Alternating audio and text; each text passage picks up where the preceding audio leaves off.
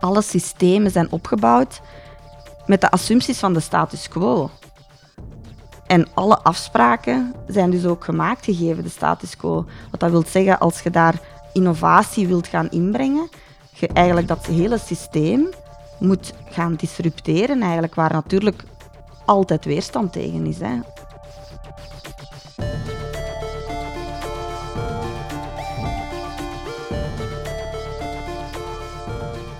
Welkom bij Health Nerd, een podcast op het kruispunt van zorg, technologie en ondernemerschap.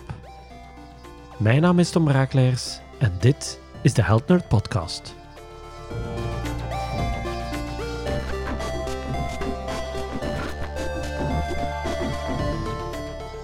De prijs voor de meest enthousiaste reactie op een podcastvraag is ongetwijfeld voor mijn gast deze maand, Lisbeth Peters.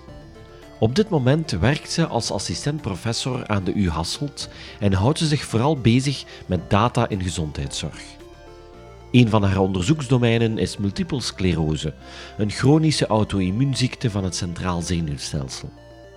Tot op heden is er geen genezing mogelijk. Daar hoopt ze met data het verschil te kunnen maken. Dus uiteraard hebben we het uitgebreid over data, maar ook over wat er moet gebeuren om systemische veranderingen aan te brengen en haar visie op de verschillende types van mensen. Een aantal jaar geleden bracht Simon Sinek een boek uit over The Infinite Game, het oneindige spel. En daar spreken we ook over. Gezondheidszorg is per definitie een infinite game. We gaan nooit klaar zijn, er zijn geen winnaars en verliezers, maar we moeten vooral doorzetten. Een podcast met een fan is altijd leuk. Daardoor kent ze dus ook de eerste vraag op voorhand: wie is Lisbeth? Geniet van deze aflevering van Help Nerd, die met Lisbeth Peters.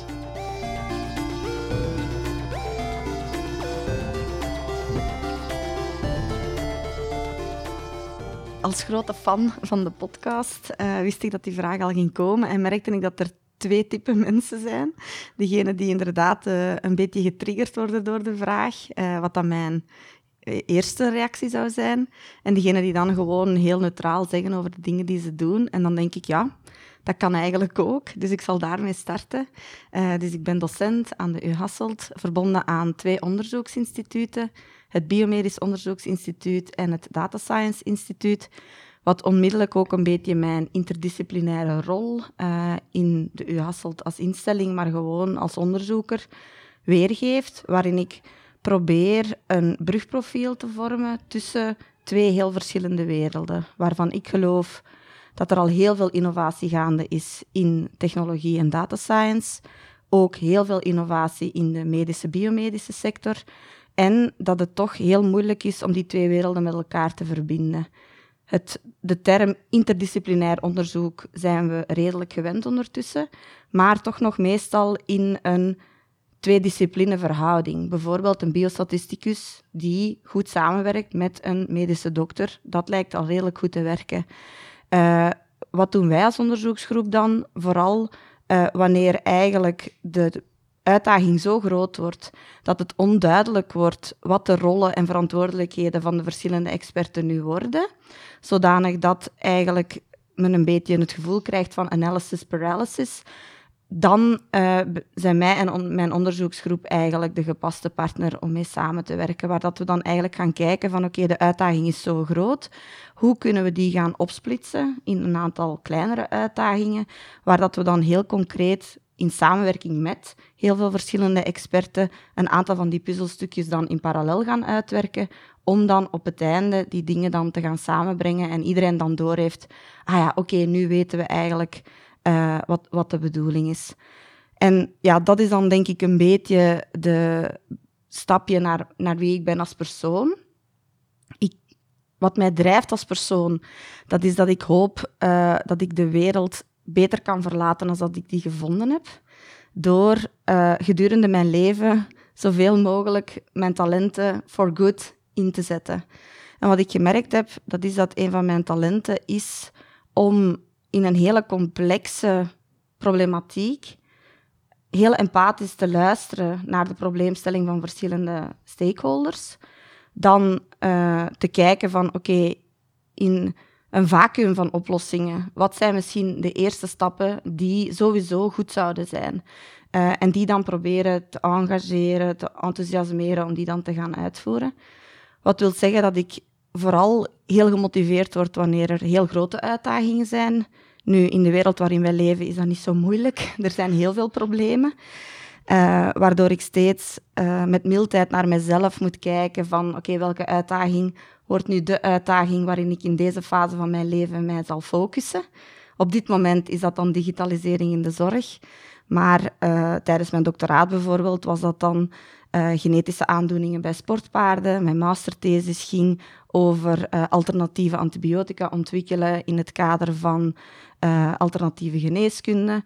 Uh, en mijn eerste postdoc was over het identificeren van nieuwe risicofactoren bij multiple sclerose, waardoor dat je ziet dat ik eigenlijk een beetje een pad van uh, verschillende dingen heb, wat mij een beetje een generalist maakt. Um, en dat is denk ik ook de rol die mij het meeste motiveert. Uh, voorlopig ben ik de gezondheidszorg nog niet beu, omdat die ongelooflijk uitdagend is en blijft. Dus voorlopig blijf ik nog een beetje rondhangen. En hoe kom je tot dat punt dat je nu uh, associate professor is, uh, jouw officiële LinkedIn-titel? Assistant, uh, assistant, ja, assistant professor. ja, inderdaad, belangrijk. assistant professor. Hoe kom je tot, tot dat punt? Ja. ja dat is een goede vraag. Um, ja, dus in mijn leven, bij belangrijke beslissingen, heb ik me vaak ja, altijd laten leiden door dat innerlijke kompas. Kan ik hier impact creëren? Kan ik hier een meerwaarde geven? Omdat dat mijn inherente drijver is. En dan een beetje de toevalligheden van het leven, denk ik. Waarin ik, uh, zeker bij de keuze van mijn doctoraat, was ik heel gedreven om iets op sportpaarden te doen. Want mijn oorspronkelijke droom was om uh, een stoeterij van dekhengsten uh, te hebben en uit te baten. Omdat ik op dat moment professioneel uh, dressuur-Amazone was. Um, en toen zei mijn vader, als ik afstudeerde, ja, zorg toch maar eerst dat je een businessplan hebt. Uh, dat duurt toch meestal vier tot vijf jaar tegen dat je een goed businessplan hebt. En toen dacht ik, oké, okay, wat, kan ik vier jaar doen dat toch in de wereld van de sportwaarden is en ondertussen mijn businessplan uitwerken. Ik voel een ehm, doctoraat aankomen. Ja, ja. en dan, uh, dan had ik een artikel gelezen over uh, een onderzoeksgroep aan de uh, faculteit Bioingenieurswetenschappen die rond sportpaarden werkte.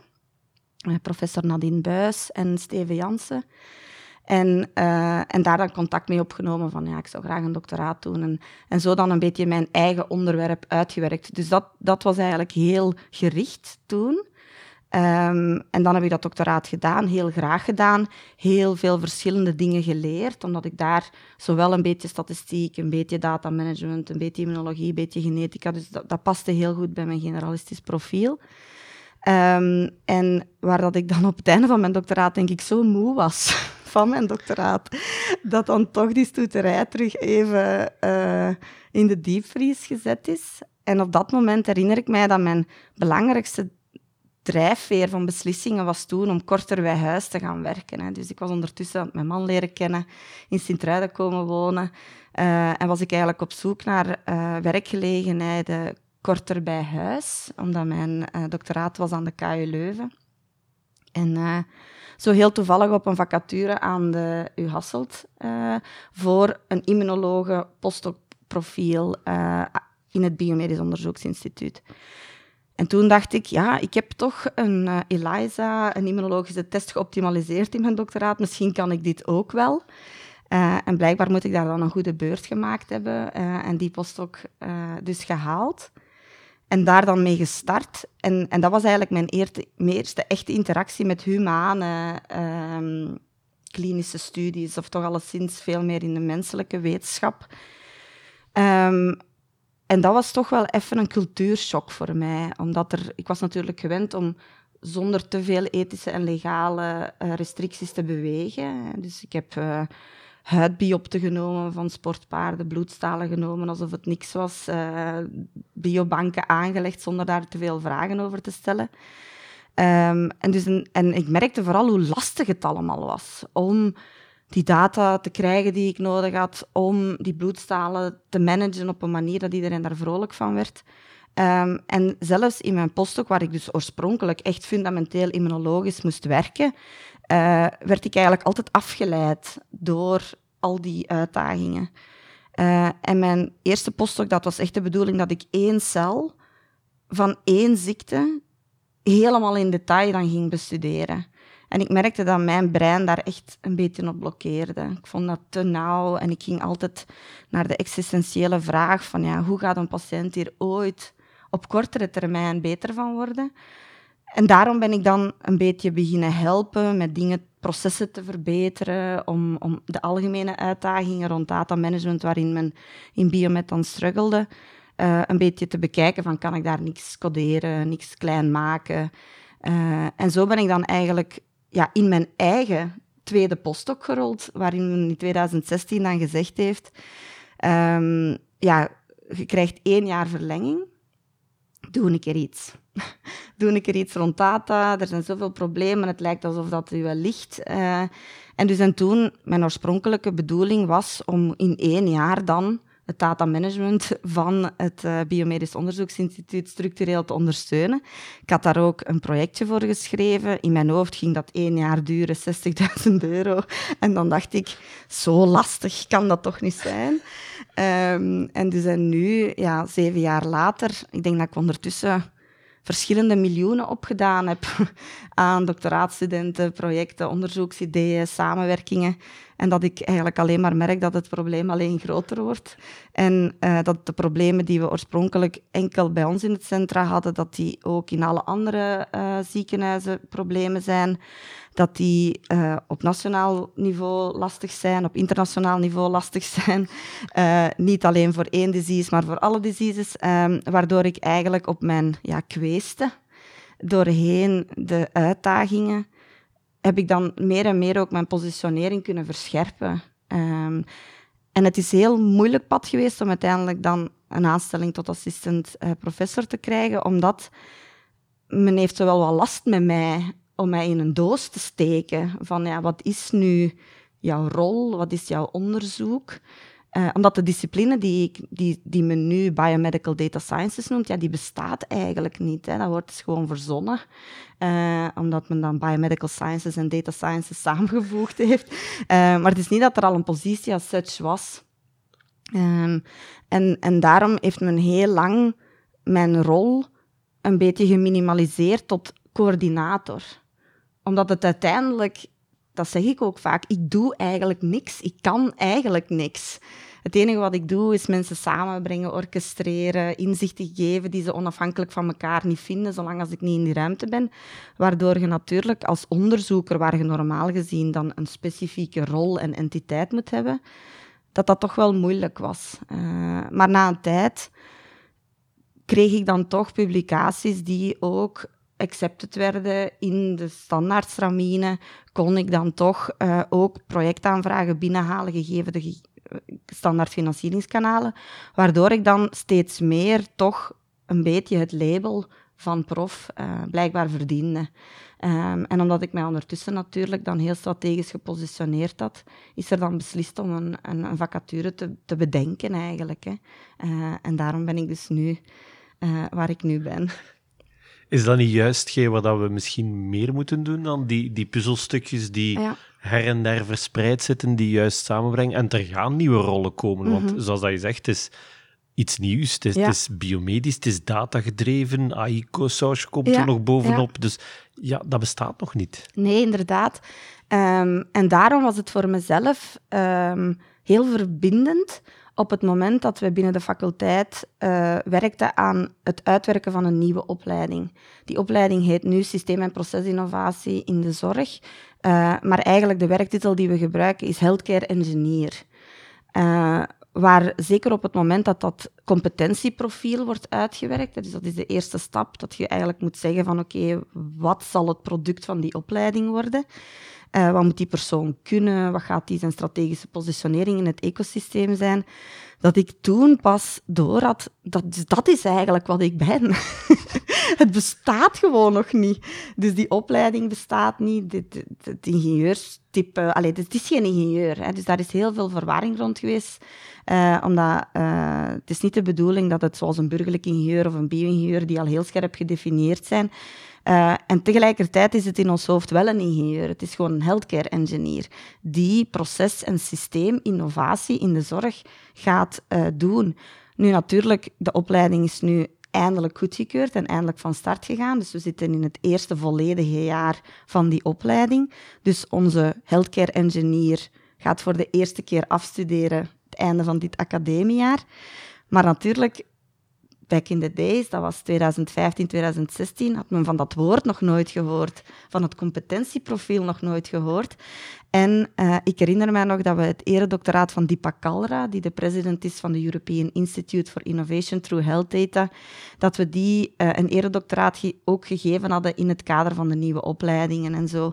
En dat hij toen echt zei van je moet al redelijk diep in het systeem zitten om te begrijpen dat er nood is aan dergelijk profiel. Want als je vanuit een, opper, als je vanuit een afstand naar de gezondheidszorg kijkt, dan zijn er soms problemen die systeem- en procesinnovatie nodig hebben, waarvan je zelfs niet vermoedt dat dat problemen zijn.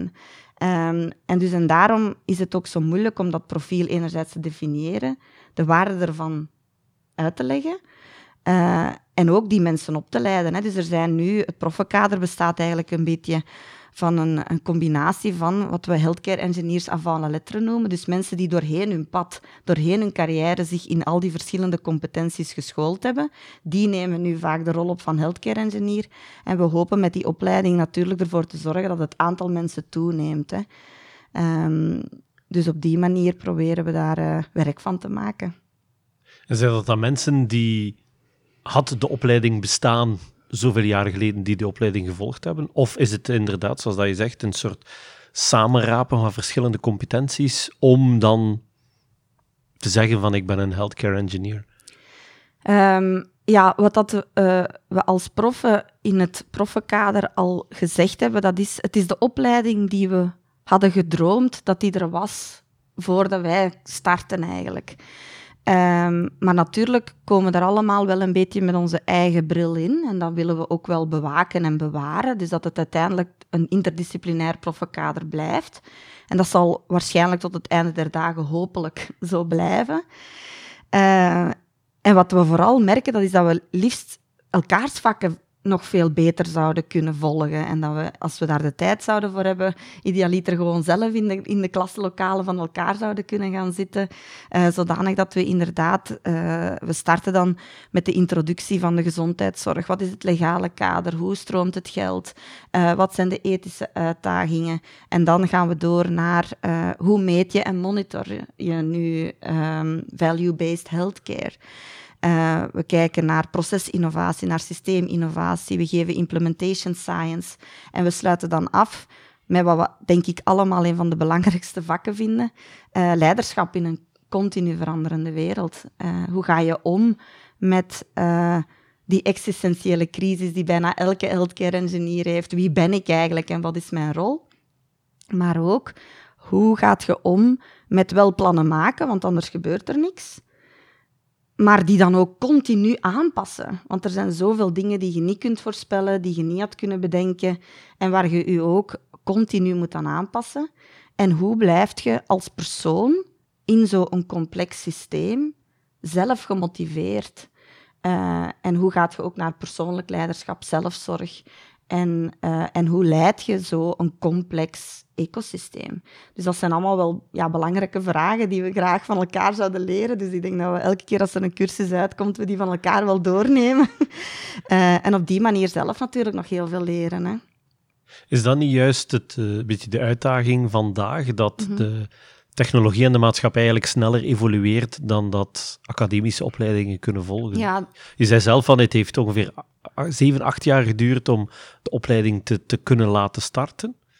Ja, dus zo heb ik het denk ik niet gezegd in de zin van de opleiding. Uiteraard tegen dat een opleiding start, zeker als die niet bestaat, dan, dan, dan is er uiteraard een, een, een, een langdurig traject om de opleiding te starten. Nu, uh, de vaders van de opleiding, dat zijn echt wel Jochen Bergs en Johan Hellings, die daar eigenlijk al mee gestart waren, terwijl ik nog niet wist dat zij daarmee gestart waren. Dus ik ben dan eigenlijk pas in een latere fase uh, aan boord gekomen. Maar mijn pad van healthcare engineering ontwikkeling heeft inderdaad dan zeven, zeven jaar geduurd. Uh, en waar dat er in 2016, men zelfs niet wist dat dat woord uh, bestond. En inderdaad, de, de traagheid van opleidingen uh, ten opzichte van de continu veranderende wereld, ik denk dat dat een, een goede opmerking is. En tegelijkertijd zijn de kennisinstellingen daar niet anders dan alle andere stakeholders. Ik denk dat er een inherente traagheid zit in het systeem. Uh, en dat de innovatie altijd voorop loopt. By definition bijna.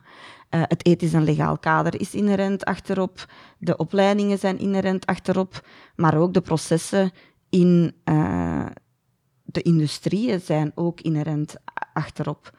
Um, en hoe dat we dat algemeen moeten vers versnellen, is eigenlijk een beetje een systeem-innovatieproblematiek. uh, want ja, processen, alle systemen zijn opgebouwd met de assumpties van de status quo. En alle afspraken zijn dus ook gemaakt gegeven de status quo. Wat dat wil zeggen, als je daar innovatie wilt gaan inbrengen, je eigenlijk dat hele systeem moet gaan disrupteren, eigenlijk, waar natuurlijk altijd weerstand tegen is. Hè. Meestal omwille van goede redenen ook. Uh, dus dat is gewoon heel complex.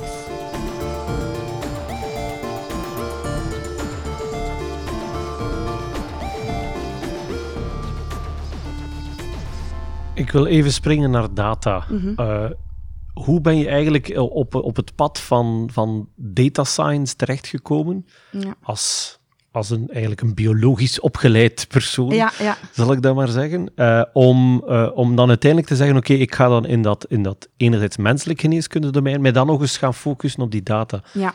Is dat ergens een, een prikkel geweest of een, uh, ja. een, een kriebeling die, die moest gebeuren? Ja, dus mijn opleiding is niet uitsluitend biologisch geweest. Dus ik ben bio-ingenieur van opleiding, wat op zich natuurlijk al een beetje een technologisch profiel uh, is. Um, en ik denk dat dat inderdaad dan terugkomt op mijn algemene interesses. Ik ben altijd heel geïnteresseerd geweest in wiskunde en integralen en fysica en, en, en al die dingen. Omdat uh, het leuke aan een, een wiskundig bewijs is dat je dat ook kunt oplossen. Hè? Dat is natuurlijk het leuke daaraan. Dat als je lang genoeg nadenkt en creatief genoeg bent, uiteindelijk die twee dingen dan wel gelijk zijn aan elkaar. Uh, wat op zich mij altijd enorm gemotiveerd heeft, uh, als, als kind zelfs. Hè. Dus, uh, en mijn ouders hebben mij daar ook altijd enorm in, in aangemoedigd. Mijn vader is ook ingenieur van opleiding, heeft op uh, treinen en zo altijd gewerkt. Uh, en mijn mama die, die maakte al, bijna alle dagen tijdens de examen alle ramen proper, waar dat ik dan uh, ja, met een stift heel het huis rondging en mijn integralen en, aan het oplossen was. En daar dan, tegen dat ik dan klaar was, had ze ondertussen de andere ramen wel weer proper gemaakt en dan ging ik zo door. Dus natuurlijk, ja, die wiskundige data motivatie is er altijd geweest. En voor mij is dat altijd belangrijk geweest dat ik wel tenminste het gevoel had dat het ertoe deed, dat het een impact had. Uh, en daar is zeker uh, de gezondheidszorg natuurlijk de ideale thuishaven voor. Um, waar dat ik zelf denk van, ja, ik ben een onverbeterlijke optimist en idealist, waarin ik um, geloof dat door het gebruik van innovatie we de dingen wel echt kunnen verbeteren. En tegelijkertijd vind ik ook dat die innovatie en die technologie samen met mensen en voor mensen moet gebeuren. Uh, dus ik krijg zelf altijd de kriebels als ik, als ik zo ingenieurs over de vloer krijg die gewoon zoiets hebben van ja, ik heb een oplossing, wat is jouw probleem? Terwijl ik wel altijd omgekeerd start altijd vanuit het probleem en dan op zoek gaan naar, oké, welke technische oplossing zou daar dan uh, toe kunnen leiden. En ik denk, mijn uniek voordeel is dat ik heel veel dingen tenminste conceptueel kan begrijpen. uiteindelijk op een gegeven moment zal dan de computer scientist of de statisticus het dan uiteindelijk wel moeten doen. Maar ik kan toch redelijk snel en redelijk diep nog volgen, conceptueel. Uh, zolang mensen hun best doen om het mij uit te leggen, in combinatie met uh, heel veel YouTube-filmpjes kijken, uh, heel veel aan ChatGPT nu tegenwoordig. Dat is natuurlijk een droom. Vragen van hoe die dingen dan mogelijk met elkaar kunnen interageren. En op die manier probeer ik dan ja, die dots een beetje met elkaar te verbinden. Is dat voor jou ook hetgeen wat data is, de lijm tussen die verschillende punten? Data is voor mij een verhaal eigenlijk. Uh, data is een mogelijkheid om een, een verhaal tot leven te brengen. En zo probeer ik er ook altijd naar te kijken. En dat is ook een van de eerste dingen die ik steeds aan mijn studenten probeer te leren. Als je een rij in een dataset ziet, daar zit ook een persoon achter. En dan moet je op die manier ook blijven naar kijken. Uh, als je een, een variabele gaat reduceren naar wat men dan een, een 0 of 1, een soort van binaire uh, categorie gaat doen, dan verliest je de connectie met de realiteit in mijn ogen. Uh, waar, waar dat het natuurlijk totaal anders is als er bijvoorbeeld uh, in de tijd dat we de COVID-19-studie in personen met MS doen en er staat death, yes or no, dan zit daar wel een meaning achter. Als je dan maar dan gewoon blijft analyseren totdat je het eigenlijk bijna uh, een beetje misbruikt. Tot van, ja, we moeten er toch iets in zien, dus we gaan maar blijven rekenen, rekenen, rekenen. Ja, dan vind ik dat je een beetje de data uh, tekort doet. Dus, dus data is voor mij een, een manier om een probleem dat we allemaal proberen op te lossen, te verbeteren door de persoon te vangen in zijn complexiteit. En daarom heb je inderdaad heel veel data nodig. Want als je eigenlijk holistisch naar een persoon zou willen kijken in de complexiteit die die verdient, hè, want uiteindelijk het is mijn overtuiging dat zorg, als men die echt patient-centric wil maken, men dat echt moet doen in de complexiteit die die persoon dan verdient. En daarom wordt die data zo moeilijk. En daarom ben ik ook zo geobsedeerd naar die data samen te brengen.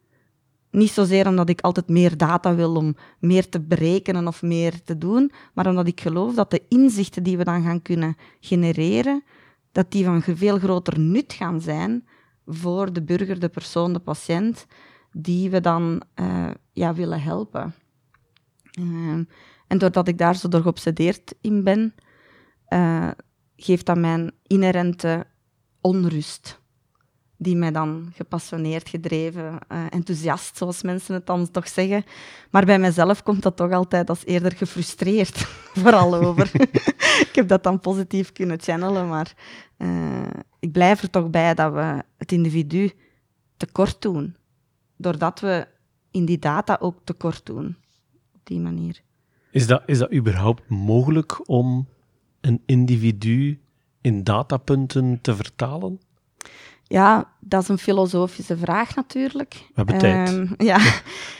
um, wat ik wel geloof, dat is dat we dat altijd beter kunnen doen dan vandaag. Um, en dus en daarom heb ik mezelf al neergelegd met de illusie dat de zorg ooit af zal zijn. Dat is oké. Okay. Uh, ik zal de rest van mijn leven misschien, dus als ik bij dit probleem blijf, zal ik de rest van mijn leven mijn best doen, samen met waarschijnlijk heel veel anderen. En ik hoop dat het aantal van mensen die zijn best doet alleen maar toeneemt. En we will die trying, in mijn hoofd. Want we zijn al, uh, zolang we leven, zijn we al voor elkaar aan het zorgen. En we vinden al heel ons, heel ons bestaan als mens, vinden we dat dat niet goed genoeg is. En dat is goed dat we dat niet vinden, want op die manier willen verbeteren. Dus zullen we de mens ooit in zijn volledigheid kunnen vangen in data? Hopelijk niet. Want dan verliest natuurlijk de mens zijn bijzonderheid van mens te zijn. En wel beter dan vandaag. Uh, dus ik denk dat we vandaag, omdat de data zo lastig stroomt, zo moeilijk te integreren is, dat we de mens echt aan het reduceren zijn tot iets waardoor de inzichten gewoon niet goed genoeg zijn. En, uh, en er zijn een aantal voorbeelden. En dat zijn mijn eigen, wat ik noem hashtag Data Saves stories. Die je je best als onderzoeker om inherent gemotiveerd te blijven. Ik hoop dat dat een van de dingen is die ze zien in het vak persoonlijk leiderschap. Zorg dat je je eigen interne driver hebt, die zo kort bij je persoon ligt dat je gemotiveerd blijft. En bij mij zijn dat een aantal verhalen. Sommige daarvan zijn van mezelf, andere daarvan zijn van mensen die ik gesproken heb, die in mijn hoofd gewoon niet goed genoeg zijn. Uh, en ik kan een voorbeeld geven. Uh, waarin ja, dat ik zelf nog maar heel recent in de wachtkamer van een eh, MRI-opname zat voor een nichtje, mijn nichtje, die heel veel zorgen heeft. Het kindje is tien jaar, even oud als mijn dochter. En zij heeft van alles. En niemand die echt weet wat.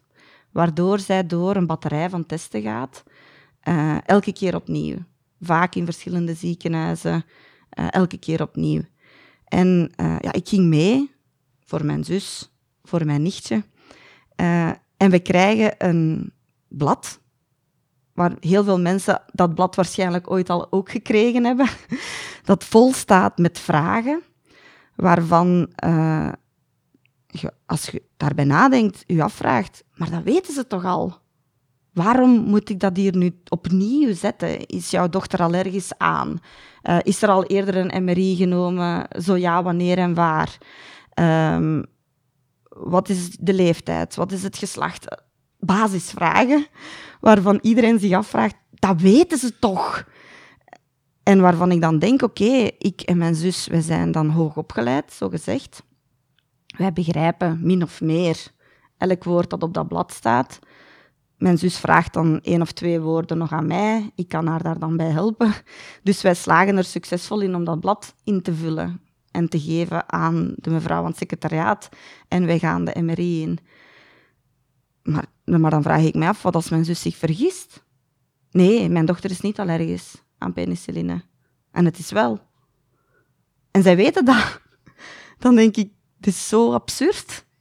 In een wereld waarin Netflix bijna beter weet wat ik graag zie van video's, moet het toch mogelijk zijn om dat gewoon op te zoeken.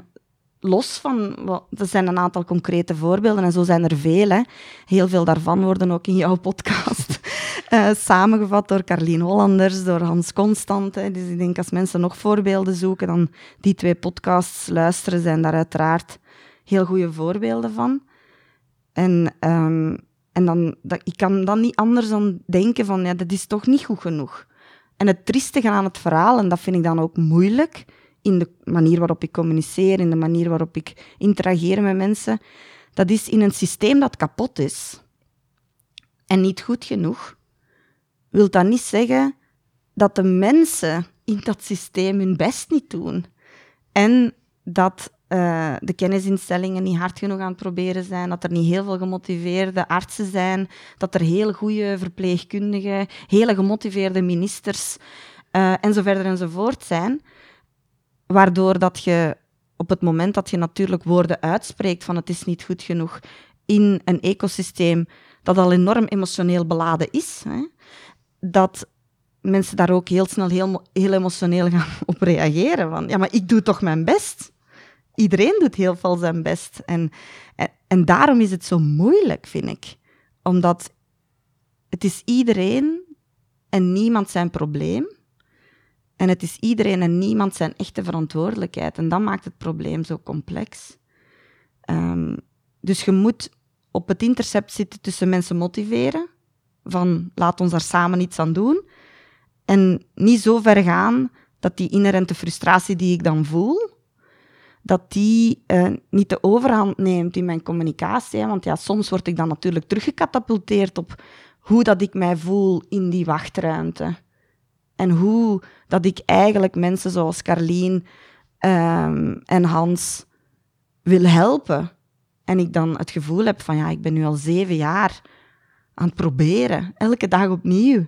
En dan denk ik, als je echt naar de impact kijkt wat is daar dan specifiek echt veranderd? Dus dan moet ik mezelf echt wel motiveren met micromomenten van succes, waarvan als men daar dan objectief naar kijkt, dan was dat een succes.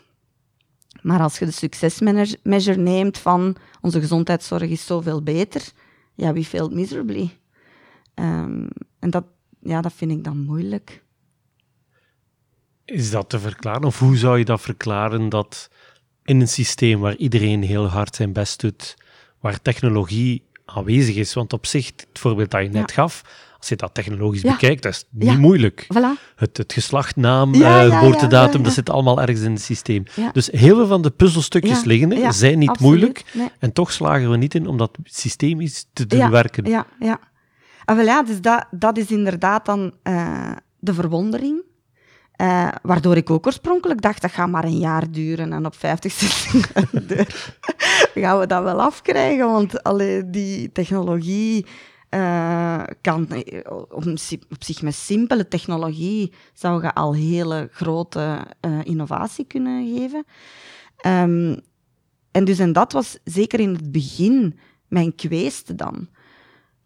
Waarom is dat zo moeilijk? En daar heb ik nu wel veel beter zicht op gekregen. Um, waar dat ik dan inderdaad de, de nuances van de probleemstelling veel beter ben gaan begrijpen, daar ook veel meer empathie voor gekregen.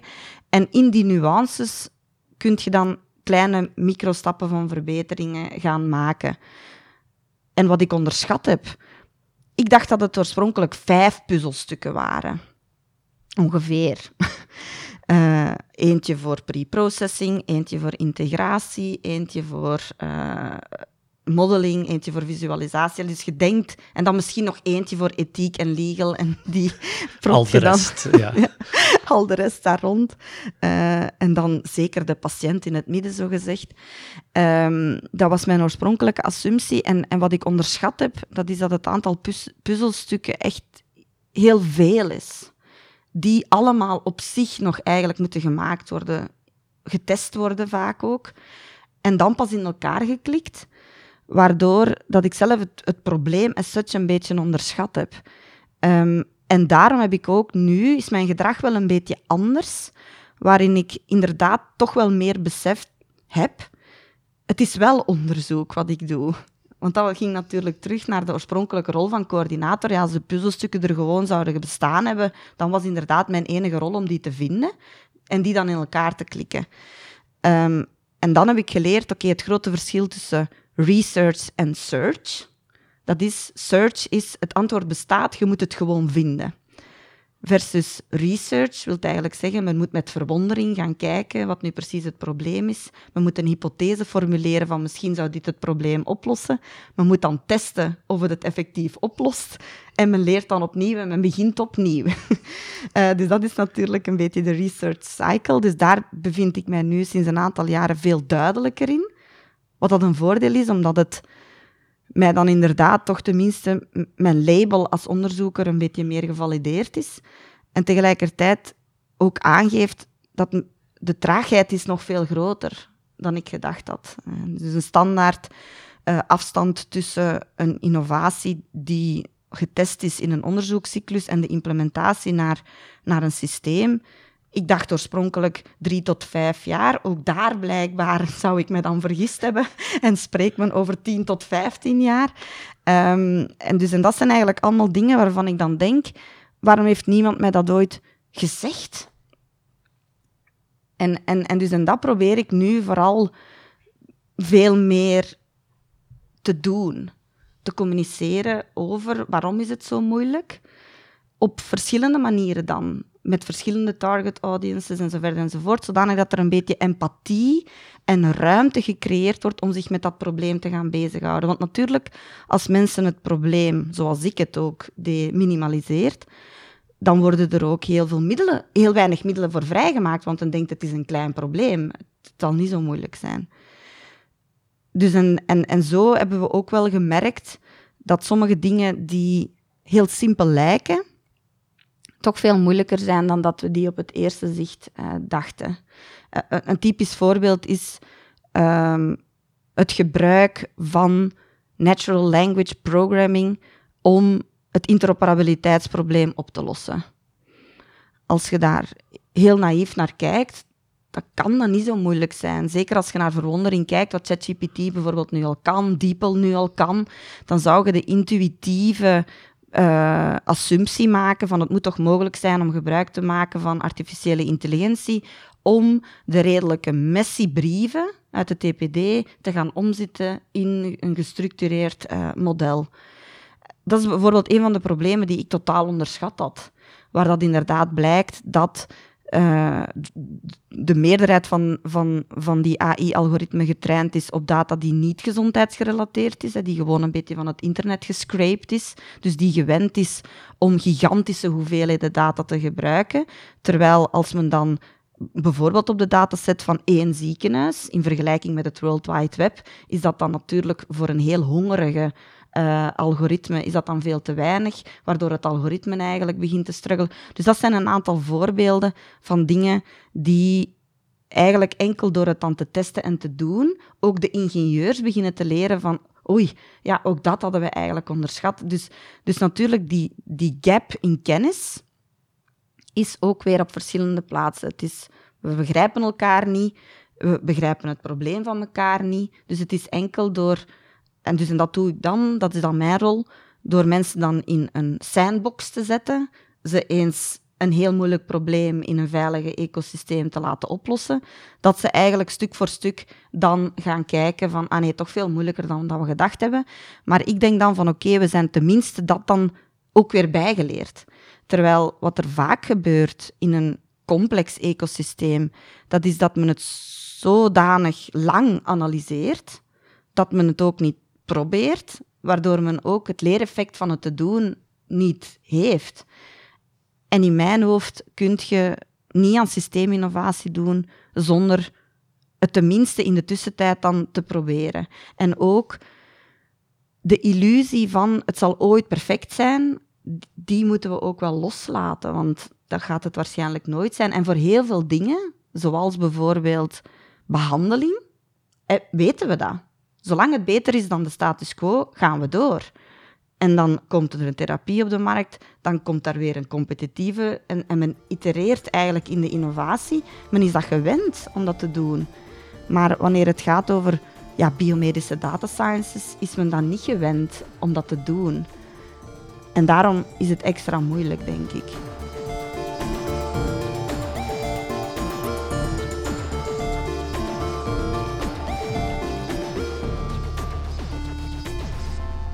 Ik wil even een, een challenge in de groep gooien. Ja, graag. Hoe ga je om met data? De, die je daarnet zei, van dat is eigenlijk de data spreekt een mhm. verhaal uit, wat eigenlijk een subjectief verhaal is, want het gaat over een patiënt. Ja. Versus de data moet ook zo objectief mogelijk bekeken worden. Ja. Want je wil niet dat data gebruikt of misbruikt wordt om gelijk welk punt te maken. Hoe, hoe ga je om met die tweestrijd tussen die objectiviteit en de subjectiviteit? Ja, ja, je stelt goede vragen. Hè? ik moet ze niet beantwoorden, dus ik moet ze alleen stellen. Um, ja, dus dat is eh, voor mezelf ook uh, iets waar dat ik dan soms mijn hoofd kan overbreken. Um, en dat doe ik dan meestal als ik aan het wandelen ben of aan het zwemmen ben. En dan probeer ik daar eerder filosofisch over na te denken. Hoe ik daar dan heel pragmatisch en heel praktisch in mijn onderzoek naar kijk. Dat is dat ik uh, probeer zo objectief mogelijk, zo generalistisch mogelijk. En dat kan natuurlijk alleen door hele grote datasets, of zo groot als dat men kan. Daar dan tot inzichten te komen die voor het individu voldoende relevant zijn. Uh, een voorbeeld van werk dat we daar rond gedaan hebben, dat is dat we starten van bijvoorbeeld een dataset um, van 70.000 patiënten, dat we um, een voorspelling doen van uh, progressie van multiple sclerose, wat een van de uh, immuunziekten is waar we heel veel op werken, en waarin we voorspellen, oké, er is een, een algoritme dat voorspelt of een persoon met multiple sclerose binnen dit en twee jaar al dan niet progressie zal vertoond hebben. En uh, dus het model is op de volledige populatie getraind. En voor het individu maken we dan eigenlijk een persoonlijke schatting, waarvan we denken, ja, we denken inderdaad dat deze persoon 70% kans heeft. En we zijn daar zo zeker van of zo onzeker van. En op die manier proberen we dan met een model dat op zich redelijk generalistisch is, voor het individu eigenlijk dan een gepersonaliseerde schatting te geven. Zodanig dat uh, het zo holistisch mogelijk, generalistisch mogelijk is en toch zo persoonlijk mogelijk voor die, voor die individuele patiënt. En dan denk ik, oké, zolang het dan aanvaard wordt in de scientific publication, zijn ze tevreden met mijn aanpak. Uh, dus, am I overthinking this? Yes. En as an overthinking, uh, we are offended when you think that we think that you don't think that we are overthinking it. uh, en ondertussen sukkelen we verder. Uh, zo probeer ik een beetje in het leven te staan. Je vernoemde al een paar keer MS als, als onderzoeksgebied. Hoe, hoe ben je eigenlijk op MS terechtgekomen ja. als, als, immuuns, als gespecialiseerde immuunziekte? Ah, wel, dus dat was dan door de hele toevalligheid van die vacature, uh, waar ik dan inderdaad werd aangenomen in het Biomedisch Onderzoeksinstituut op een onderzoeksgroep van, uh, die geleid wordt door professor Neil Hellings, die op multiple sclerose werkt. Uh, en doordat dat, dat is een beetje de legacy disease van u Hasselt in zijn algemeenheid, maar bij uitstek van het Biomedisch Onderzoeksinstituut, waardoor dat er al meer dan 20 jaar, 25 jaar onderzoek werd gedaan op die uh, aandoening, waardoor er natuurlijk al op zich heel veel data is. Hè. Dus zeker in het expertisecentrum van het Revalidatie-NMS-centrum Noorderartpelt, waar uh, professor Bart van Wijmeers en uh, Veronica Popescu eigenlijk de leidende neurologen zijn. Daar werd eigenlijk gedurende verschillende jaren, to the best of their abilities, al heel veel data uh, structureel verzameld. En op die manier was het een beetje mijn proeftuin, waarin ik ook het meeste vrijheid krijg uh, in zijn algemeenheid. En uh, ook daar, door dan met heel veel mensen te praten, heeft die aandoening mij ook een beetje bij mijn hart gegrepen, natuurlijk. Hè. Waardoor het uiteraard mijn meest emotioneel geladen dossier is. Omdat ik met zoveel mensen gesproken heb. Um, ondertussen ook heel veel uh, individuen die de aandoening hebben ken. Het, en het is voor een ingenieur die op zoek is naar complexe problemen, absoluut meer dan complex probleem. En het is ook een, een aandoening die echt gebaat zou kunnen zijn bij die innovatie. Dus het is in mijn hoofd een beetje mijn most obvious example. En tegelijkertijd, doordat ik er natuurlijk al zo lang in werk, heb ik daar ook heel veel trusted relationships opgebouwd, waardoor het een beetje mijn ultimate sandbox geworden is. Heel veel ideeën test ik altijd eerst op de datasets die we al in zo'n sloten hebben, op onderzoeksvragen die we al bedacht hebben. De puzzelstukken zijn al heel sterk ontward. Um, en tegelijkertijd heb ik ook gemerkt dat het natuurlijk niet de enige aandoening is die die problemen heeft. Terwijl dat dacht ik oorspronkelijk wel. Um, en, en ik herinner mij nog in 2020, dan was ik dan drie of vier jaar bezig, had ik van de meeste van mijn puzzelstukken in mijn hoofd al een eerste demonstrator gemaakt. En uh, het was mijn naïeve assumptie op dat moment, waarin ik dan dacht, ah, iedereen heeft eens voor de eerste keer met elkaar gewerkt, ik ben overbodig wat, wat dat het beste is wat er kan gebeuren bij mij. Dat ik het gevoel heb dat ik overbodig ben. Want dan denk ik, oké, ik kan een ander probleem gaan aanpakken. Dus ik streef zo snel mogelijk naar een overbodigheid van mijn rol. De, tot op heden is dat nog niet gelukt. Hè. Dus het is mijn hoop om een probleem te kunnen loslaten en dat dan het ecosysteem verder uh, beweegt. Dat is voorlopig nog niet gebeurd. En wat ik wel merkte, dat is dat ik zelf dacht van ja, op zich voor mij is het nu de onderzoekscyclus heb ik voor mij de eerste keer doorlopen. En heb ik toch het gevoel dat het nu toch steeds meer soort van basis-interdisciplinair onderzoek wordt. Terwijl, het, en toen, op dat moment, dat was dus in 2020, 2021, heb ik van iemand het mooiste compliment gekregen, denk ik, dat ik tot nu toe heb gehad in mijn professionele carrière. Die zei, elke aandoening zou minstens één Lisbeth moeten hebben waar dat er dan toch tenminste iemand is die dat een beetje probeert te ontwarren, te escaleren, op te starten, te enthousiasmeren.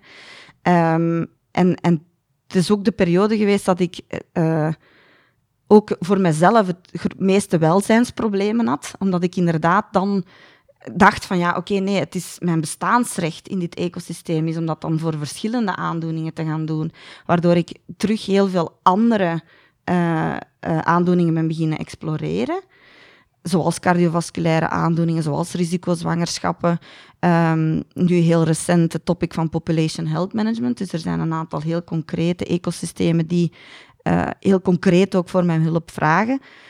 Waar dat ik dan denk van ja, ik kan dat uiteraard niet voor iedereen doen. Want ja, ik ben ook maar één persoon, ik heb ook maar één leven. Um, dus wat ik nu vooral aan het op inzetten ben, en dat is eigenlijk mijn onderzoekslijn voor de komende decade dan, hoe kan ik frameworks opleveren die tenminste een beetje als een roadmap kunnen dienen voor mensen die dat dan eigenlijk in mijn plaats willen doen. Zodanig dat ik dan hoop dat ik in ondertussen denk ik dan dat mijn uh, roadmaps uh, haalbaarder zijn. Dus ik denk, oké, in 2030 gaat mijn framework misschien af zijn. Uh, waarschijnlijk ga ik me weer vergist hebben, maar het is mijn wens dat ik in 2030 een framework heb waarin ik eigenlijk de dingen die voor mij nu zo obvious zijn, de stappen, die er moeten gebeuren, de vragen die ik stel, de, de iteraties van uh, gesprekken die ik voer, uh, de fasering van uitdagingen die ik aanpak, dat die een beetje gedocumenteerd zijn, zodanig dat mensen eigenlijk een beetje zoals een handleiding, hè, zoals er ook nu voor klinische studies bestaat dat. Er zijn frameworks, er zijn roadmaps, um, dat dat ook zal bestaan voor um, health data sharing initiatives at scale. En het goede nieuws is dat er natuurlijk nog wel mensen met dat idee bezig zijn, want op zich is dat natuurlijk het hele concept van de European Health Data Spaces. Hè. Um, en waar dat ik dan hoop dat ik met het onderzoek dat ik momenteel aan het doen ben, uh, dan aan die dingen kan bijdragen, een beetje beyond multiple sclerose, maar nog steeds met multiple sclerose als een soort van emotionele legacy disease.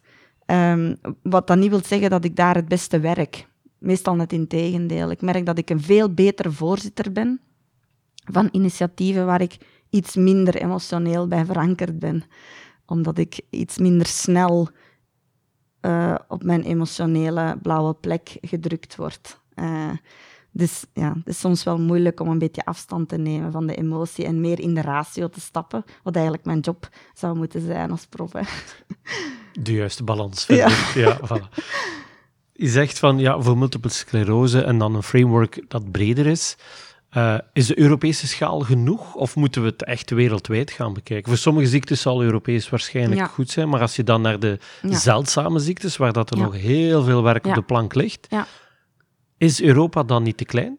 Ja, zoals bij multiple sclerose dat dus al het geval is. Hè. Dus op zich, in de definitie is MS geen rare disease, net niet. Hè. zit zo'n beetje op de val, valreep. Uh, en daar zijn we dus bijvoorbeeld bij de MS Data Alliance, wat een non-for-profit is die ik voorzit. Daar is de schaal al wereldwijd. Um, en toch heb ik ook moeten vaststellen dat dat toch nog veel moeilijker is dan wanneer de schaal enkel Europa is. En dat je natuurlijk als een persoon die in Europa leeft, toch ook een inherente bias hebt. In mijn kennis alleen al. Hè? Want ik ken natuurlijk veel meer van enerzijds het Limburgse ecosysteem, dan het Vlaamse ecosysteem, dan het Belgische ecosysteem, dan het Europe. Dus natuurlijk, de afstand van mijn kennis wordt altijd groter. Um, en ik lees al heel veel. Hè. Dus uh, heel veel mensen denken dat ik 72 uur in een dag heb. Als je kijkt hoeveel boeken ik lees. Uh, ik kijk al mijn video's op maal 2, 2,5. Uh, dus natuurlijk, ik kan zoveel lezen als ik wil. Maar mijn kennis is toch altijd beperkt. Uh, en het eerste is dan beseffen dit zijn alle gaten die ik heb. En wat dat wij dus doen op wereldwijde schaal, dat is dat we samenwerken met, en, en, en die mensen dan eerst gaan opleiden, naar wat we local champions noemen. Zo hebben we bijvoorbeeld dan in Latijns-Amerika, is er dan, ja, je zou dat eigenlijk bijna een MS Data Alliance Latin Hub kunnen noemen, zonder dat die dan zo heet, maar waar dat er dan toch een aantal mensen, en, en in mijn hoofd groeit een ecosysteem door een toenemende concentrische cirkel, waar dat er één persoon, vijf personen, vijf, zo, en zo schaalt dan een beetje, waar dat eigenlijk dan de rol van het Global Initiative is om die champions te vinden die te enthousiasmeren, die te motiveren en in een wereldwijd ecosysteem op te nemen. En op het einde van de rit moet er dan toch altijd een epsilon-effect door local champions gebeuren. En dat is eigenlijk ook wat dat we dus hier ook zien gebeuren, hè, waar dat er dus de European Health Data Spaces is heel holistisch op een Europees kader daarover aan het nadenken. Er zijn een aantal hele krachtige grote Europese initiatieven, zoals de European Health Data and Evidence Network, de zogenaamde Odyssey Community, eh, die ook wereldwijd is. En waar dat men dan toch elke keer lokaler en lokaler die overdracht moet hebben. Tot als we hopelijk ooit tot uh, elke zorgverlener in mijn hoofd zou na een tijd toch basisconcepten rond data science moeten kunnen begrijpen. Uh, ik droom van een wereld waarin ik eender welk uh, instituut dat gerelateerd is aan zorg kan binnenwandelen en dat zij al gehoord hebben van een common data model. What it is and why it matters van de zogenaamde FAIR principles, die dan de afkorting zijn van Findable, Accessible, Interoperable en Reusable. What it is and why it matters. Um, en, dus, en dat kan in mijn hoofd dan alleen maar door uh, championing, mentorprogramma, fellowship programs, inserties en aanpassingen van masterprogramma's, bachelorprogramma's. Um, en dus en daarom lijkt het alsof ik met heel veel dingen bezig ben. Dat, dat is ook zo.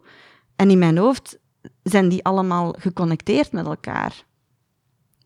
En daarom doe ik soms een workshop of een lecture van de Universiteit van Vlaanderen en op andere momenten uh, een politiek debat, enkel met experten, waarin we dan micro-details aan het bespreken zijn. En, en, en dat vind ik zelf jammer, dat er niet meer mensen zijn, zoals ik dan, die die verschillende dimensies mee exploreren. Want er zijn heel veel experten die nu bijvoorbeeld ja, de European Health Data Space Legislation heel goed kennen. Uh, of die dan technisch heel goed zijn, of die dat dan die opleiding geven. Maar ik wandel in heel veel discussies, en nu de laatste tijd vind ik het heel fel, dat er zoveel events zijn, zoveel workshops, waar eigenlijk the same people are saying the same things. En waarom krijgen we dat dan toch niet uh, geschaald? En, en dat blijft toch een, een moeilijk, moeilijk probleem, waarin, waarin we dan eigenlijk... Ja, we zouden dat moeten doen. Oké, when we say we, who do we mean? En wie gaat dan wat doen? En hoe orchestreren we dat op een manier dat het schaaleffect behouden blijft? Is dat niet een beetje de essentie van de uitdaging, dat het probleem misschien te groot is om aan te pakken? Dat, dat, dat de berg is die zodanig hoog is dat je de moed verliest om nog maar de eerste stap te zetten? Waarschijnlijk. En dan um, vraag ik mij af, oké, hoe vinden we dan wel die moed en die motivatie?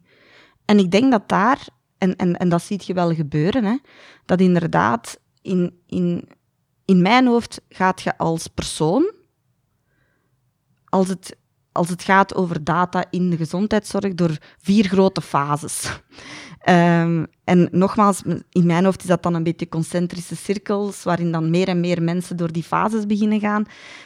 Um, en ik zeg dan, there are four types of people.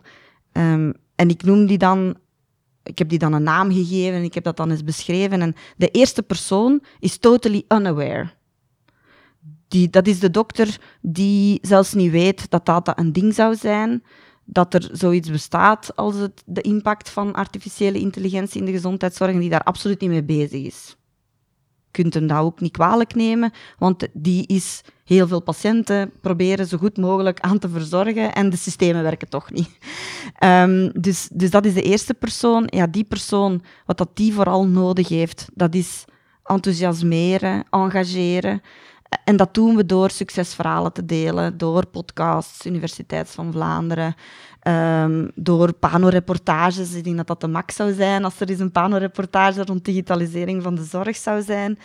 Um, zodanig dat eigenlijk die personen zoiets hebben van, tja, misschien is het toch een ding. Uh, en, en, en misschien moeten we daar toch eens iets mee doen. En dan wordt het dan de tweede type van persoon die zoiets heeft van, ja, misschien is het toch een ding. En moeten we daar toch iets mee doen. En ja, en hoe begin ik daar nu aan? En die persoon heeft dan eigenlijk veel meer ja, echt educatie nodig. Oké, wat is fair?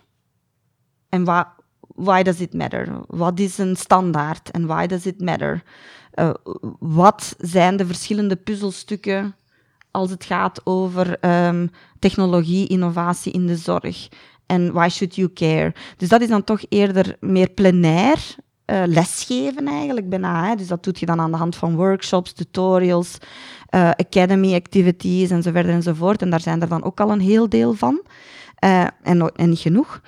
En dan word je een derde type van persoon in mijn hoofd, die eigenlijk al zo'n beetje weet van, oké, ik weet ongeveer wat het werkt. Ze hebben zogezegd de boekenkennis. En ze moeten er dan mee starten. Dus uh, learn one, do one, see one of zo. En dat is van die dingen. En, en die persoon heeft dan echt nood aan wat ik dan mentoring noem. Peer-to-peer uh, lesgeven, peer-to-peer engageren met elkaar. En, en daar zouden buddy systems bijvoorbeeld een heel krachtige tool kunnen zijn, waarin uh, de datamanager van één ziekenhuis gepaard wordt met twee of drie uh, meer ervaren datamanagers in een andere zorginstelling. Of dat we bijvoorbeeld uh, de geestelijke gezondheidszorg uh, in contact gaan brengen met bijvoorbeeld de overheid, de, de, de, de merendeel van de ziekenhuizen, die dan toch, toch soms iets verder staan. Dus en dat is dan een beetje meer peer-to-peer workshops en zo verder enzovoort. Um, en dat is bijvoorbeeld waar we nu met Odyssey Belgium uh, proberen op in te zetten. En dan is er de laatste fase. Dat zijn dan mensen die dat eigenlijk allemaal geprobeerd hebben, die heel goed het probleem zien, die ook de resterende problemen nog heel goed zien. Um, en dat zijn dan een beetje de pioneer conversations, die dan moeten gefaciliteerd worden op een manier dat die zich allemaal veilig voelen. Want uiteraard op dat moment zijn het allemaal een beetje uh, giants. Dat is ook goed. Mensen die hun carrière daarop hebben gebouwd, die heel veel te verliezen hebben. Dus die moeten natuurlijk met elkaar in gesprek komen. En dan moeten we eigenlijk veilige havens creëren van oké, hoe gaan die mensen dat nu uh, gaan aanpakken. Want uiteindelijk zijn het die mensen die het dan moeten doen. En op die manier is het ook weer een cirkel waarin dan de laatste fase verantwoordelijk is in mijn hoofd om die andere fases te gaan vergroten. En omgekeerd, dat er natuurlijk weer nieuwe mensen gaan komen die het debat gaan vervoegen. En ik denk als we allemaal, ik geef een, een voorbeeld, 10% van onze tijd zouden steken in enthousiasmeren, engageren, educatie, mentoring en fellowship programs, dan, dan is de kans dat de mankracht sterk gaat toenemen, wordt in mijn hoofd dan heel groot. Dat iedereen eens een keer een podcast begint te organiseren en daar begint naar te luisteren. Dat er, uh, dus het is allemaal en, en, en. En daarom denk ik dat inderdaad, ja, het is, in mijn hoofd is het een oneindige berg. En dat is oké, zolang we in de tussentijd verder doen en dan weer iets anders doen. Zonder dat het ooit gaat af zijn. Ja, en daar ook vrede mee nemen. Uh, dus wat ik nu meer en meer begin te doen, dat is dat ik measures of succes begin te formuleren voor één vergadering. Wat verwachten wij van deze vergadering? Wanneer is dit uur een succes? Zodanig dat je inderdaad op het einde van die meeting, hebben we onze measures of succes behaald? Ja, dan was dat een goede meeting. En dan gaan we door naar de volgende meeting of naar het volgende project. En, en dat is denk ik toch een mindset die moeilijk is. Dus dat is Simon Sinek, die heel gekend is, noemt dat eigenlijk de dualiteit tussen de so-called infinite game en de iteraties van finite games onderweg dan. En zo denk ik dat het al... wat ik geleerd heb, dat is om dingen te doen, moet het een finite game worden. Want anders zijn mensen niet meer gemotiveerd. En dat is evident. Als je aan een basketter zou, kunnen, zou vragen om... Ja, start met basketten. En het zal nooit stoppen. En er komen alleen maar mensen bij. En alleen degenen die moe zijn, stoppen. Maar je moet blijven spelen. De kans dat er veel mensen, één, daar zouden naar kijken, maar twee, dat zouden doen, is ook nul. Terwijl op zich basket is ook een combinatie van finite en infinite game. We zijn daar gewoon niet gewend om er zo naar te kijken. Er is een match en er is een winnaar. En er is een verliezer van die match. Want de spelers zijn gekend, de regels zijn gekend. En één van de twee ploegen mag succes ervaren en de andere moet zijn wonden likken. En dan de week daarna is er een nieuwe match. En dan doen we verder. uh, en in de tussentijd is natuurlijk het individu, die zowel de finite als de infinite games, die is ook zijn infinite game aan het spelen, want die blijft gewoon oefenen, blijft zichzelf verbeteren, maar is wel gemotiveerd door het vooruitzicht van een finite game. En zo denk ik dat we voor onszelf, uiteraard moet iedereen projecten blijven doen, nog altijd gebruik makende van de standaard financieringskanalen.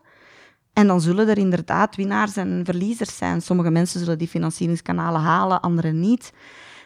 En zolang dat de projecten in principe bijdragen aan de mission statement, wat dan het Infinite Game is, is dat een goed project geweest.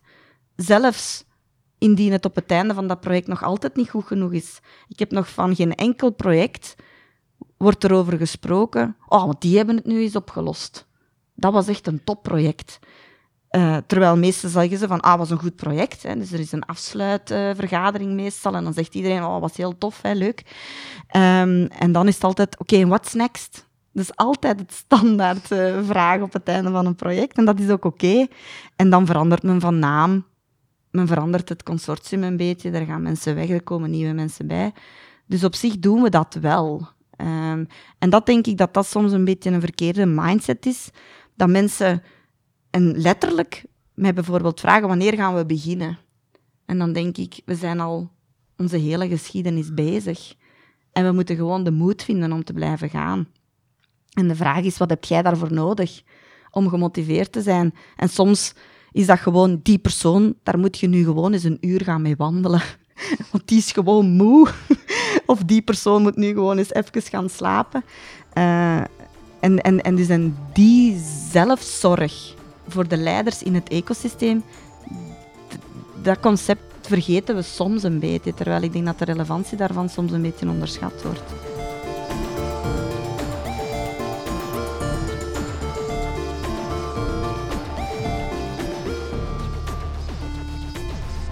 Gezondheidszorg, denk ik, is, is een van de sectoren waar we zeker van kunnen zeggen het is een infinite game. Ja. Maar hoe kunnen we omgaan met die uh, microprojecten, heb je het daarnet ja. genoemd, microprojecten, waar dat er dan winnaars en verliezers zijn. Mhm. In gezondheidszorg kunnen we heel moeilijk om met falen en met verliezen. Ja. Is dat dan ook een mindset die ook daarop moet veranderen, dat als je iets probeert en het is niet succesvol, Ja. is even... Oké, het is een andere manier van succes, maar het is daarom geen falen. Ja, en dus en daarom dat ik inderdaad eh, ja, ook wel heel veel daar dan over lees. Hè, van, eh, het is ook een typisch Europees en Belgisch ding. Dat eigenlijk eh, falen moeilijk is.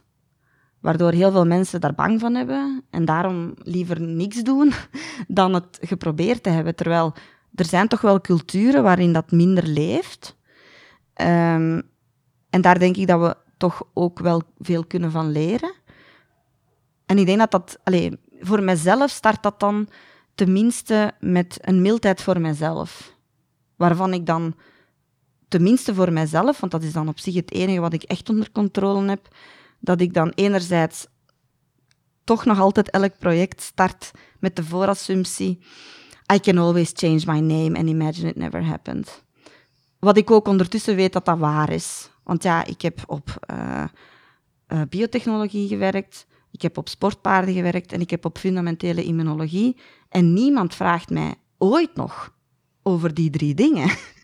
dus als dit mislukt en ik ga dan de klimaatsopwarming doen of wereldvrede, dan gaat niemand mij ooit nog vragen hoe was dat eigenlijk op multiple sclerose back in the days. Dus dat, dat is wat ik mezelf altijd voorneem als ik terug een project opstart waarvan ik denk, oké, dit kan echt mislukken. Hè? Um, dat ik voor mezelf al aanmaak van, oké, I can always change my name and imagine it never happened. En, en dan, ik onderweg met heel veel mildheid probeer te kijken naar mijn eigen projecten, waarvan ik van mezelf altijd vind dat die niet goed genoeg zijn.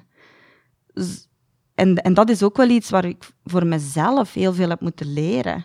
Dat je eigenlijk een project opstart waarvan je denkt, oké, dit gaat het idee zijn. Uh, dat, dat, dat is echt een goed idee. Denk ik altijd als ik daaraan begin, want anders begin ik daar niet aan. Uh, en waar ik dan onderweg toch altijd meer uitdagingen tegenkom dan dat ik dacht, waardoor ik dan toch altijd op een zijpad kom uh, dat ik dan niet verwacht had, waardoor mijn resultaat altijd toch iets minder groot is dan dat ik oorspronkelijk gedacht had. En als een persoon die heel resultaatsgedreven is, wat ik echt ben, is dat toch ook wel moeilijk om daarmee om te gaan. En, en ook daar lees ik dan heel veel over, of ik praat dan met mensen. Um, en, ik, en wat ik ook probeer te doen, dat is dat als mensen mij zeggen dat ik goed bezig ben, dat ik hen ook probeer te geloven. Dat ik denk, die mensen denken dat echt. Anders zouden ze mij dat niet zeggen. Zeker niet in Vlaanderen. voilà, voilà en zeker niet in Vlaanderen. Dus, dus daarom probeer ik dat dan wel te doen. Van, hé, oké, ik, denk, ik denk, gegeven de complexiteit van het systeem, gegeven al mijn attempts, dat ik voor mezelf kan zeggen, at least I'm trying. En ik denk dat dan bij meer mensen, eerst en vooral die openheid daarover, denk ik dat dat bijvoorbeeld al nuttig zou kunnen zijn. Heel weinig mensen spreken daar zo open over als ik. Uh, en dat denk ik dat bijvoorbeeld al nuttig zou kunnen zijn. Dat we toch een beetje een veiligere haven creëren, waarin mensen dat ook mogen uitspreken. En, en daarom ben ik zelf ongelooflijke fan van uh, eredoctoraten en de uitreiking daarvan. Waarom? Omdat een eredoctoraat geeft je niet aan zomaar iedereen. Je moet daar lang over nadenken. Er zijn heel veel raden die daar dan over beslist hebben welke persoon toch dat eredoctoraat krijgt. Dus een eredoctoraat krijg je in je leven niet zomaar. Um, mensen, de, de, maatschappij is dan fier op u. Uh, en toch, als je dan goed naar die speeches luistert, en zeker als je de kans krijgt om met een kandidaat die een eredoctoraat krijgt te spreken, op de receptie of op een vooroverleg, uh, dan leert je dat ook die mensen toch inherent onzeker blijven eigenlijk. Uh, en dat vind ik, vond ik zelf heel fascinerende waarneming. Toen als ik Um, denk in 2021 of 2022 mocht ik zelf promotor zijn van een eredoctoraat voor Deepak Kalra. Dit is de president is van de European Institute for Innovation Through Health Data. En um, het basistalent van Deepak is om heel goed dingen samen te vatten. En daar dan prachtig over te reflecteren in een ongelooflijk sappig Engels, dat hij dan meester is omwille van zijn moedertaal. En, um, en dat was ook een van de dingen die we hem dan in het symposium dat we georganiseerd hadden voor hem, hadden we hem die positionering gegeven. Hij reflecteerde over de dag en hij had daar zeven tot tien minuten voor gekregen. Uh, en hij had heel de namiddag dingen opgeschreven en hij had dan on the spot die speech verzonnen. Uh, en die dan gegeven, zeven tot tien minuten. En dat was uiteraard top ongelooflijke topkwaliteit. Ik kon daar dan als uh, persoon in het publiek alleen maar met bewondering naar kijken. En die persoon komt van dat podium af, komt naast mij zitten, leunt naar mij toe en vraagt: Was het oké, okay, Lisbeth? En dan denk ik echt, nee, het is een ziekte. Iedereen heeft er last van.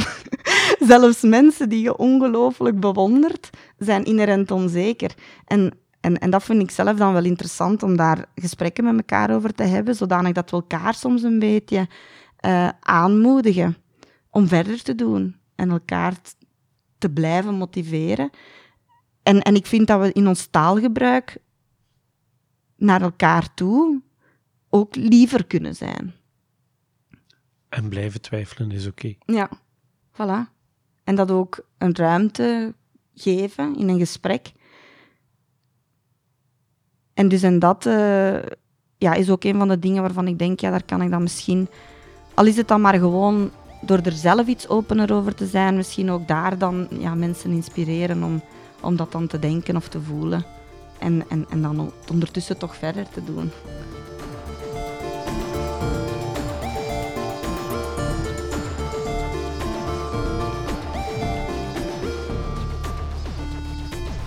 Ik heb nog één slotvraag. Ja. En je weet al uh, dat, als trouwe luisteraar.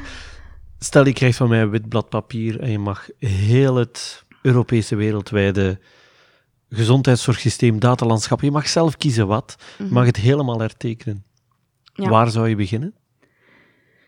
Ja, um, dus eerst en vooral geloof ik niet zozeer in een, in een volledige hertekening. Dus ik denk dat je altijd aan uh, innovatie of disruptie van een ecosysteem moet doen met alle goede dingen van het huidige systeem in, uh, in ere te houden. Um, dus mijn, mijn plan zou zijn uh, om in te zetten op de dualiteit van die educatie, mentoring, fellowship programs, awareness raising enzovoort enzovoort.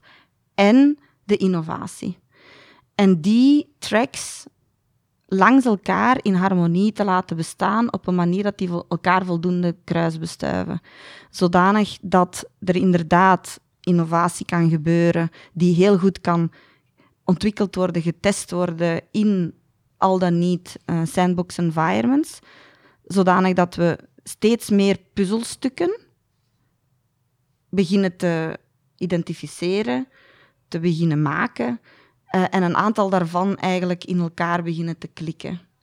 En dus en zo, ja, als je het dan kunt visualiseren, zou het nieuwe systeem eruit zien als een combinatie van puzzelstukken die we allemaal apart maken en waar we op regelmatige tijdstippen bij elkaar komen om nog eens opnieuw scherp te stellen wie is nu precies met wat bezig. En dat als we het gevoel hebben dat dan een probleem al opgelost wordt door een groep van mensen waarvan we denken, die vertrouwen we, om het tenminste te proberen, dat er dan niet, niet in competitie gegaan wordt op dat ene puzzelstuk, maar dat men eerder gaan kijken van oké, hoe kan ik helpen? Of dat men een ander puzzelstuk neemt. Uh, zodanig dat er toch een beetje ja, waste of effort, dat dat gereduceerd wordt, omdat we soms ook elkaar een beetje dan het leven zuur aan het maken zijn op een puzzelstukje dat we dan allemaal gevonden hebben en daar dan een beetje gaan uh, aan, aan doen. En in mijn hoofd moet dat dus gebeuren op die verschillende niveaus, zijnde steeds meer champions die dat dan het mandaat opnemen om um, het, het geschenk door te geven. In, dus mentorschap is altijd een distorted relationship. Ik weet niet of je dat zelf ook al aangevoeld hebt. Dus je kunt een mentor nooit teruggeven wat dat die u gegeven heeft je zult altijd in depth staan, emotioneel, bij die persoon die je dat geleerd heeft. Het enige wat je kunt doen, is het geschenk dat jij gekregen hebt van het mentorschap gaan doorgeven aan de anderen. Um, en ik denk dat dat een van de dingen zouden zijn die, uh, als we dat allemaal meer en meer gaan beginnen doen, op die manier, tenminste overheen de tijd, um, het allemaal beter gaat worden. En ik denk dat we echt ook wel beter kunnen worden in het spelen van onze finite games. En bijvoorbeeld deftige verwachtingen voor een vergadering beginnen uit te spreken. Wat verwachten we van deze vergadering en waarom zijn we dat aan het doen? En hoe heeft dit project of deze vergadering of deze effort of deze meeting of dit event, hoe geloven we dat dit past in het grotere kader?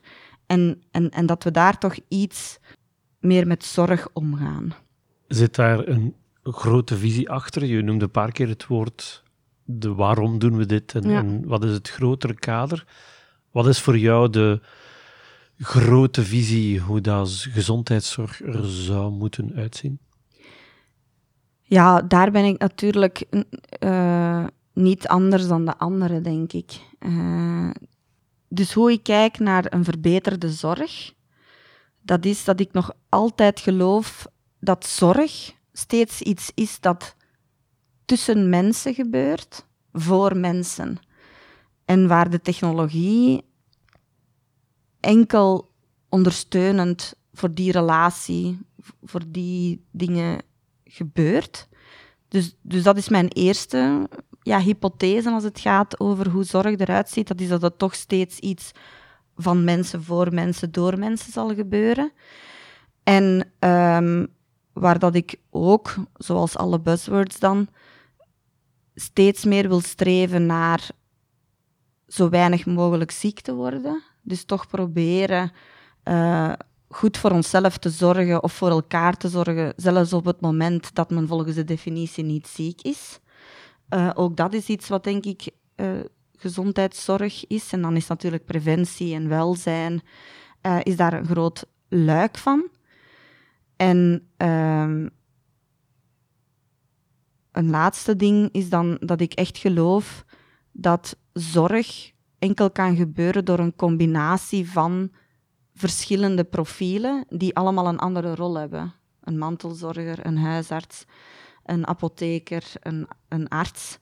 En dat die rollen soms een beetje hergedefinieerd moeten worden om allemaal efficiënter te worden. En toch ook meer gedreven door de, de wens van die persoon. Hoe dat die zijn leven wil leven. En dat we daar ook met veel meer zorg mee omgaan. Ik denk dat als we het over kwaliteit van zorg hebben, dat we daar allemaal de neiging voor hebben om dat in strakke definities te gieten. Terwijl kwaliteit van leven en dus kwaliteit van zorg is ook iets dat heel moeilijk in een wiskundige formule te vatten is. We kunnen dat wel eens proberen voor in een peer-reviewed journal, dat gewoon door uh, onze uh, peer-reviewers te krijgen die de finite game gewoon meespelen, omdat we daar nu mee bezig zijn, zolang we toch de ultimate goal niet uh, verliezen. dus ja, de combinatie van al die dingen is in mijn hoofd mijn visie op op, op, op betere zorg. En daarom is natuurlijk de grenzen met de andere problemen zoals klimaatopwarming, zoals wereldvrede, niet veraf natuurlijk.